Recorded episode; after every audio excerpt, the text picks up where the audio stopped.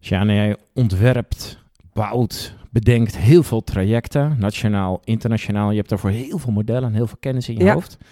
En eh, de laatste tijd heb je van een aantal klanten daar een beetje kritiek op gekregen. Nou, pittig. Ja. Welkom bij een nieuwe boost voor jouw missie No More Boring Learning. Dit is de Brain Bakery Podcast. Oh, wat heerlijk dat jullie weer luisteren met z'n allen. Je bent weer aangesloten bij de missie No More Boring Learning. Juist. Ja, en ik was er alweer even aan het aanpakken natuurlijk. Je hoort het, ik ben niet met Sjane. Dag Jan-Peter. Ja, eh, wat is dat met die kritiek? Ja, wij noemen onszelf ook artiesten als Ja. we gaan ontwerpen. Hè. We, we hebben een van onze kernwaarden is make art, not copies. Juist. En dat betekent dat we heel veel research doen, heel veel wetenschap hebben, heel veel wetenschappelijke modellen hebben, waar we uit putten om te bedenken, oké, hoe kun je op deze leervraag, op deze behoefte, het slimst, leukst, gaafst mogelijke, uniekst mogelijke model maken. En dat probeer ik dan vaak door te geven. En, veel, en dat is ook mijn doel, ons doel, dat we zorgen dat anderen die dingen gaan gebruiken en Ja. het zelf kunnen. En heel vaak kijken mensen mij na een ontwerpsessie echt aan van... Sjane, hoe heb je dat gedaan? Ja, zonder verschrikkelijk arrogant te willen klinken... zeggen mensen dan, maar dit kan ik nooit. Hoe doe jij dit?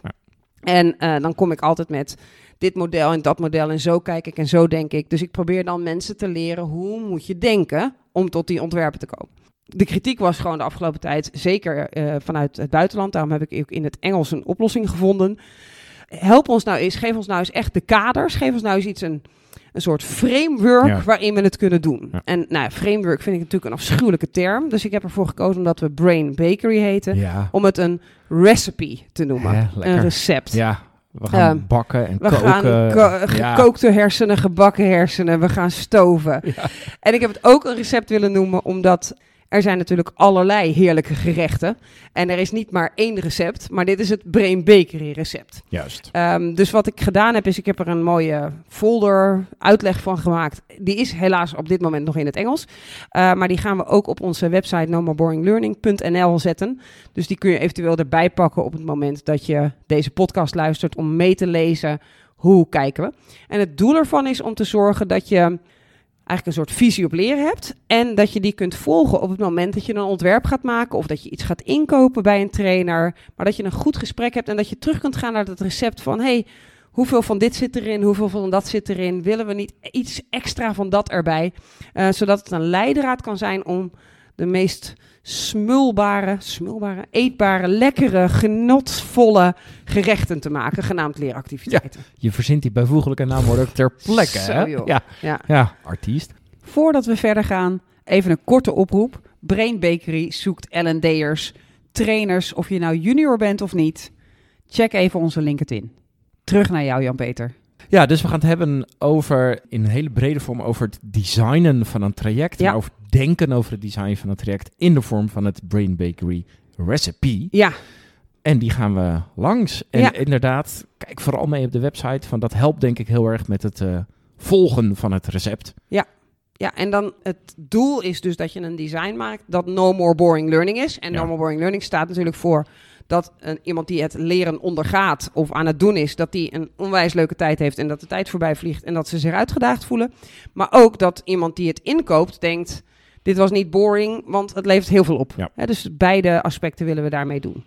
Eh, het is een groot anagram, recipe. Even in het Engels schrijf je dat dus R-E-C-I-P-E, recipe.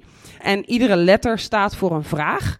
En achter iedere vraag zit dan ontzettend veel uitleg. En die uitleg kunnen ze beter lezen op de website Ja. dan dat ik hier een podcast ga maken van vier uur. Ja. Ehm, nou ja, zoveel uitleg zou het nou ook weer niet zijn. Maar hou mij een beetje in toom. JP. Ja, we gaan je in toom houden. Met Ja. z'n allen. Ja. Ja. Zullen we beginnen met de eerste letter? Nou, laten we dat doen. De R. De R.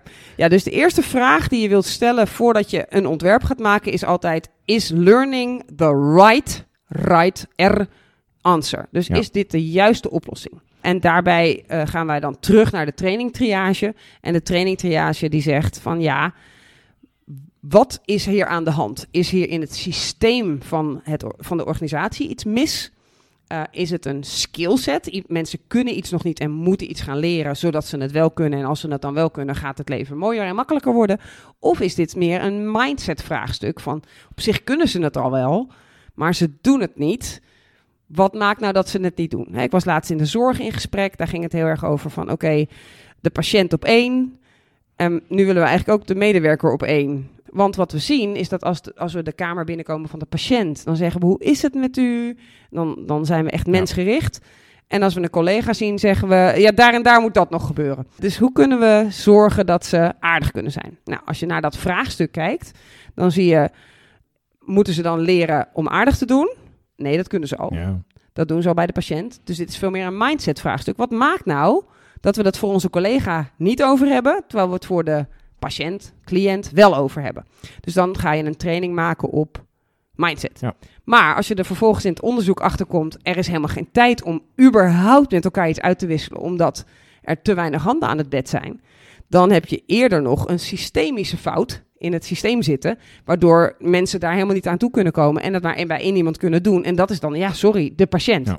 Dus de eerste vraag die je moet beantwoorden, is het een leervraagstuk of niet? Heel goed. Ja, en daarvoor hebben we inderdaad de training triage. Mochten mensen die ook willen bekijken, dat model, haal hem vooral uit ons boek, No Ja. More Boring Learning. Ja, en hij staat ook in de presentatie erbij. Ja. We hebben de R gehad, de R van right Ja. eh, answer. Ja. We gaan naar de E. Ja. De tweede vraag die je dan moet stellen is: oké, als we dan gaan trainen, wat willen we dan evalueren? Want heel vaak denk je dan: ze hebben te kort tijd, time management. Nee, wat willen we zien in de praktijk? Wat willen we evalueren? En daar pak ik natuurlijk onze grote vriend Ja. Donald Kirkpatrick erbij. Op welk level willen we wat zien? Dus level 1 is, zijn we happy met de training? De kroketscore wordt hier ook wel genoemd. Level 2 is, wat hebben we dan geleerd? Level 3 is, hmm, wat passen we dan toe in de Ja. praktijk? En level 4 is, welk resultaat verandert er nou als deze training een succes is? Dus als je eerst hebt vastgesteld, is het the right thing om te doen? Wil je als tweede weten, wanneer zijn we happy? Zijn we happy als iedereen blij is uit de training? Of zijn we blij als de NPS scoort? Als we sneller eh, first answer, first right answer geven. Eh, als we sneller de telefoon opnemen. Welke KPI, wat willen wij daarmee beïnvloeden? En eh, hoe kunnen we daar naartoe gaan komen? Dus dat is de tweede vraag. Heel goed. De E van evaluation Ja. in het Engels dan. Juist. We gaan naar de C, De C staat natuurlijk voor ons cerebellum. natuurlijk. Ik wilde niet de B doen en dat kwam dan ook niet uit met recipe. Nee. Sorry mensen. Dus het cerebellum, de hersenen. Dus als je weet, het is het juiste antwoord. Je weet, dit willen we evalueren. Dan ga je kijken naar hoe kan ik nou dat brein van die lerende optimaal triggeren, beïnvloeden. Hoe kan ik zorgen dat ze er helemaal klaar voor zijn. Dat ze het leuk vinden. En dat ze niet denken, oh, nu moet ik op cursus. Maar hoe kan ik dat, dat brein van die, van die lerende optimaal beïnvloeden? Waardoor leren lekker is, vanzelf gaat, enerverend is. Waardoor je er voor thuis ook nog wat aan hebt. Hoe kan ik dat, die hersenen van die ander zo klaarzetten, als het ware, zo beïnvloeden met mijn design? Dat ze denken, oké, ik leun voorover, ik haal het zelf Ja. wel naar binnen. Hou verder je mond maar, ik wil dit hebben. En daar zijn talloze boeken over geschreven, Heel hoe je dat doet. ja. Wij hebben er een, een viertal eh, op de website staan die we eh, genomen hebben als beïnvloeder. Maar de boeken van Ria van Dinteren kan ik ook ontzettend aanraden. eh, over hoe kun je nou breinvriendelijk leren. Juist. Dus dat is de C. Ja. Het gaat over brein, maar het is dus de cerebellum. Ja. Ja. Dan hebben we de I van impact. Dus dan is de vraag niet zozeer van, oké, we willen evalueren op een bepaalde manier. Maar welke impact willen we nou in de real world? Wat willen we nou neerzetten? Hoe willen we nou dat mensen gaan handelen? En daarbij wil je dus kijken, niet alleen dat vertellen alleen niet genoeg is. Misschien één oefening is ook waarschijnlijk niet genoeg. Als we het echt in de praktijk terug willen zien, wat moeten we dan in de training allemaal doen? Waardoor mensen ook echt ermee aan de slag gaan. Dus hier gaat het over hoe vaak moeten ze dan oefenen? Moeten er games op zitten? Ja. Hoe kunnen we ze verleiden, de mensen, dat ze dit ook echt gaan doen? En wat betekent dat voor de opbouw in de training zelf? Dus hier zit je op het niveau van werkvormen. Hoe ga je nou zorgen dat ze niet alleen denken: wat een goed idee dat ik mijn collega ga begroeten, maar ook nog: hoe doe ik dat dan? Ja. En hoe klinkt dat dan? Ja. En hoeveel tijd neem ik daar dan voor? Niet dat die anderen makkelijk zijn, maar dit is een pittig onderdeel, eh, Ja. lijkt me, om dit te gaan bedenken. Ja, dus hier zit best wel wat tijd in. Ja. Daarom is het ook lekkerder om niet te beginnen met deze. Maar hier zit echt het gros van je tijd in het recept. Zit, hier is het deeg aan het rijzen. Hier ben je lang mee bezig om te zorgen dat je daar een mooi ontwerp van maakt. Je hebt natuurlijk al een voorstap genomen van oké, wat weten we over de hersenen en hoe beïnvloeden we ze goed? Je hebt ook al bekeken wat zijn de einduitkomsten die we willen. Maar nu ga je kijken naar oké, hoe zorgen we dat het niet alleen in een bolletje goed komt, maar dat het ook nog echt gedragen wordt. Ik wil dit over my dead body, dat ik ooit nog een patiënt wel goed en mijn collega niet. Wat de hel? Hè, dus hier wil je dat er een voornemen komt en dat het onontkoombaar is om het gaan toepassen. En bij de andere stap had je in ieder geval één soort hoofdmodel of hoofdtheorie eh, die eraan te grondslag lag. Is dat bij dit ook? Of? Ja, hier heb je wel heel erg het, eh, het burning platform nodig. Van waarom is het zo belangrijk voor de lerende zelf? En hier heb je ook, om goede werkvormen te hebben, heb je de, het verschil tussen een theoretische reflectieve werkvorm en een doe-actieve werkvorm. Waarin je het echt even doorleeft en meemaakt. Uh, maar hier zit ook een stuk gamification in. Dus hoe kun je zorgen dat het op de vloer tot uiting komt? Leuk. We hebben er vier gehad van Ja. de zes. Nog twee te gaan. Ja. We gaan naar de P. Ja, dus die gaat over de psyche, de psyche, psyche van eh, de lerende. En waar dat over gaat is, hoe laten we hen nou na al die oefeningen, eh, we weten dat het de juiste oplossing is, we weten wat we willen evalueren, we hebben het breinvriendelijk aangepast. Hoe gaan we ze nou uit die training verder begeleiden dat, het, dat ze alert blijven, dat ze het blijven doen, dat ze het echt gaan toepassen en dat het niet alleen lekker geleerd is in de training, dat we daar de goede werkvorm hadden, dat we zeker weten dat iedereen het kan, maar dat ze het na de training ook blijven doen. Dat we gaan boosten, dat we ze een soort uit de comfortzone halen, waardoor ze niet meer het niet durven doen, omdat Ja, ze ja. denken, ik wil dit echt. Dus wat doen we vooral ook na de training om te zorgen dat dit top of mind blijft en dat ze het volhouden? Eh, en ook, wat doen we dus in de training, waardoor dit na de training zo blijft? Cool. Dus die zit onder de psyche. Ja, de hoe houden we het Ja. top of mind? Ja. ja. Dan hebben we er nog één.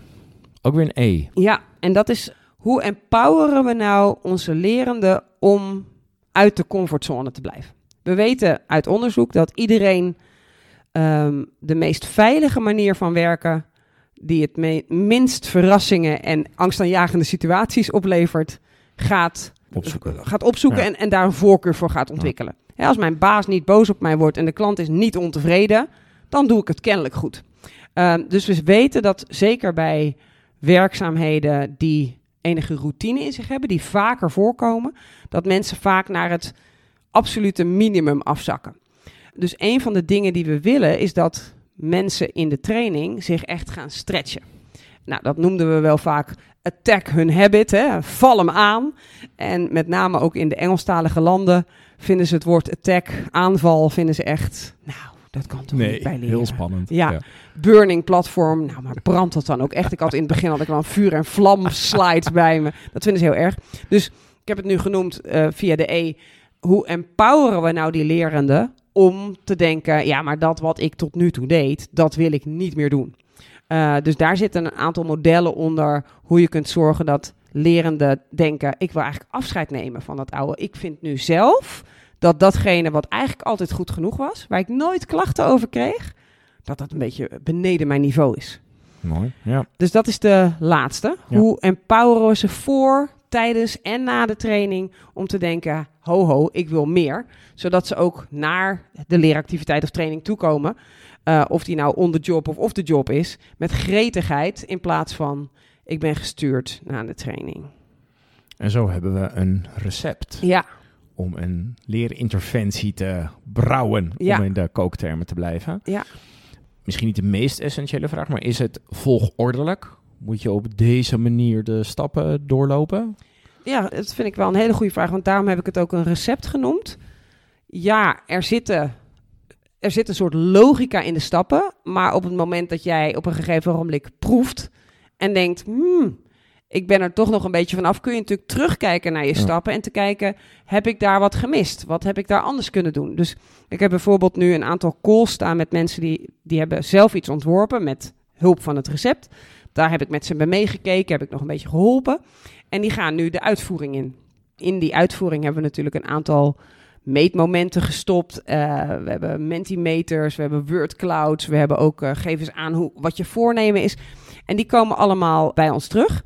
En dan gaan we kijken vanuit wat rapporteren we nou vanuit die training? Wat zegt die deelnemer? En dan gaan we weer terugredeneren naar waar hadden we dat dan in dat recept gestopt? Klopt het recept? Moet er meer zout bij? Moet er meer, we moeten ze nog meer empoweren om Ja. het aan te durven. Nee, het moet nog veel breinvriendelijker. Waar hebben wij de boot gemist? Eh, bijvoorbeeld, ik weet nu dat in Dubai eh, loopt er nu eentje. En daar zijn er, is er 10% no-show in de tweede ronde geweest. Nou, dat is natuurlijk verschrikkelijk. Ja. Want dan zeggen lerenden tegen je, nou, ik vind er geen hol aan. Ja. Of ik vind mijn eigen werk veel belangrijker dan dit werk. Terwijl je wil natuurlijk als leeractivator dat mensen denken: dit draagt onwijs bij aan mijn werk. Natuurlijk ben ik erbij. Dus daar gaan we nu naar kijken van waar hebben we in het recept iets gemist in de uitvoering of in hoe we erover gecommuniceerd hebben om dat te corrigeren. Mooi.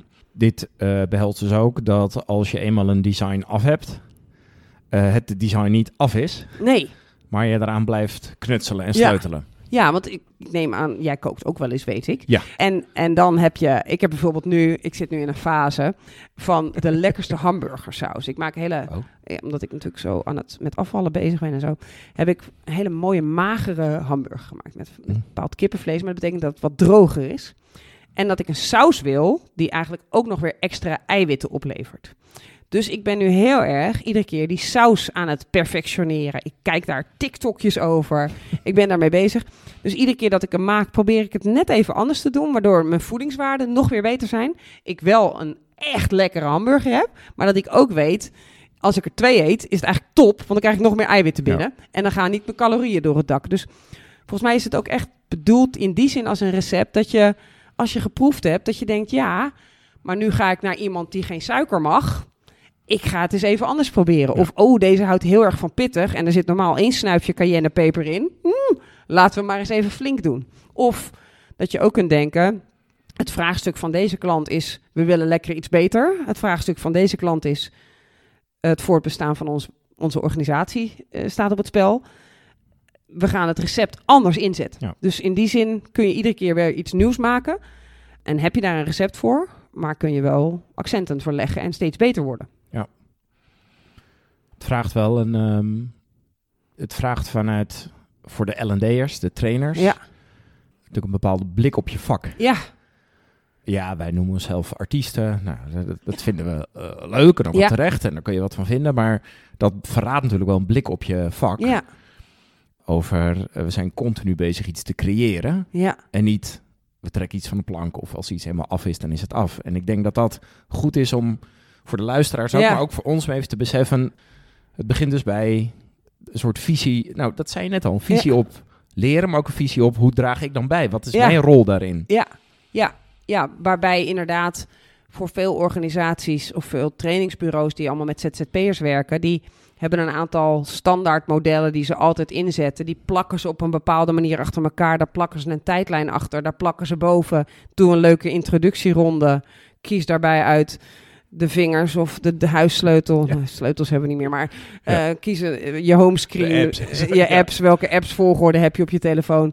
En eindig met leuk met deze evaluatie. Maar voor de rest lijkt alles op elkaar. Als, als je zo'n trainer bent, dan is zo'n recept helemaal niks. Nee. Maar ben jij iemand die zegt: nee, ik ben hier om niet een programma uit te rollen. Ik ben niet een trainer die een programma uitrolt, maar ik ben een L&D'er die verschil wil maken. Dan denk ik dat zo- zo'n recept heel erg voor je is. Maar het is wel spannender. Ik denk ook dat dit tegen je routine ingaat. Spannender dan. Heb jij nog een oefening voor mij? Heb jij dit? Oh, ik zoek nog een oefening van zeker twee uur. Dat gaat over teambeelden en dit moet er les erin zijn. Ja. Eh, dat is niet. Dat is, dat is het recycleren Ja, van oude shizzle. Ja. Ja. En we gaan lekker koken. Ja. Ja. Eh bijvangst van deze podcast is dat ik wel trek heb in hamburgers nu. Zo. Ja. Ja, een lekkere kiphamburger. Nou. Met mijn speciale hamburgersaus. Ja, ik heb dus ook bestudeerd hoe de Big Mac saus eruit ziet. Even een shout-out naar eh, de Big Mac saus.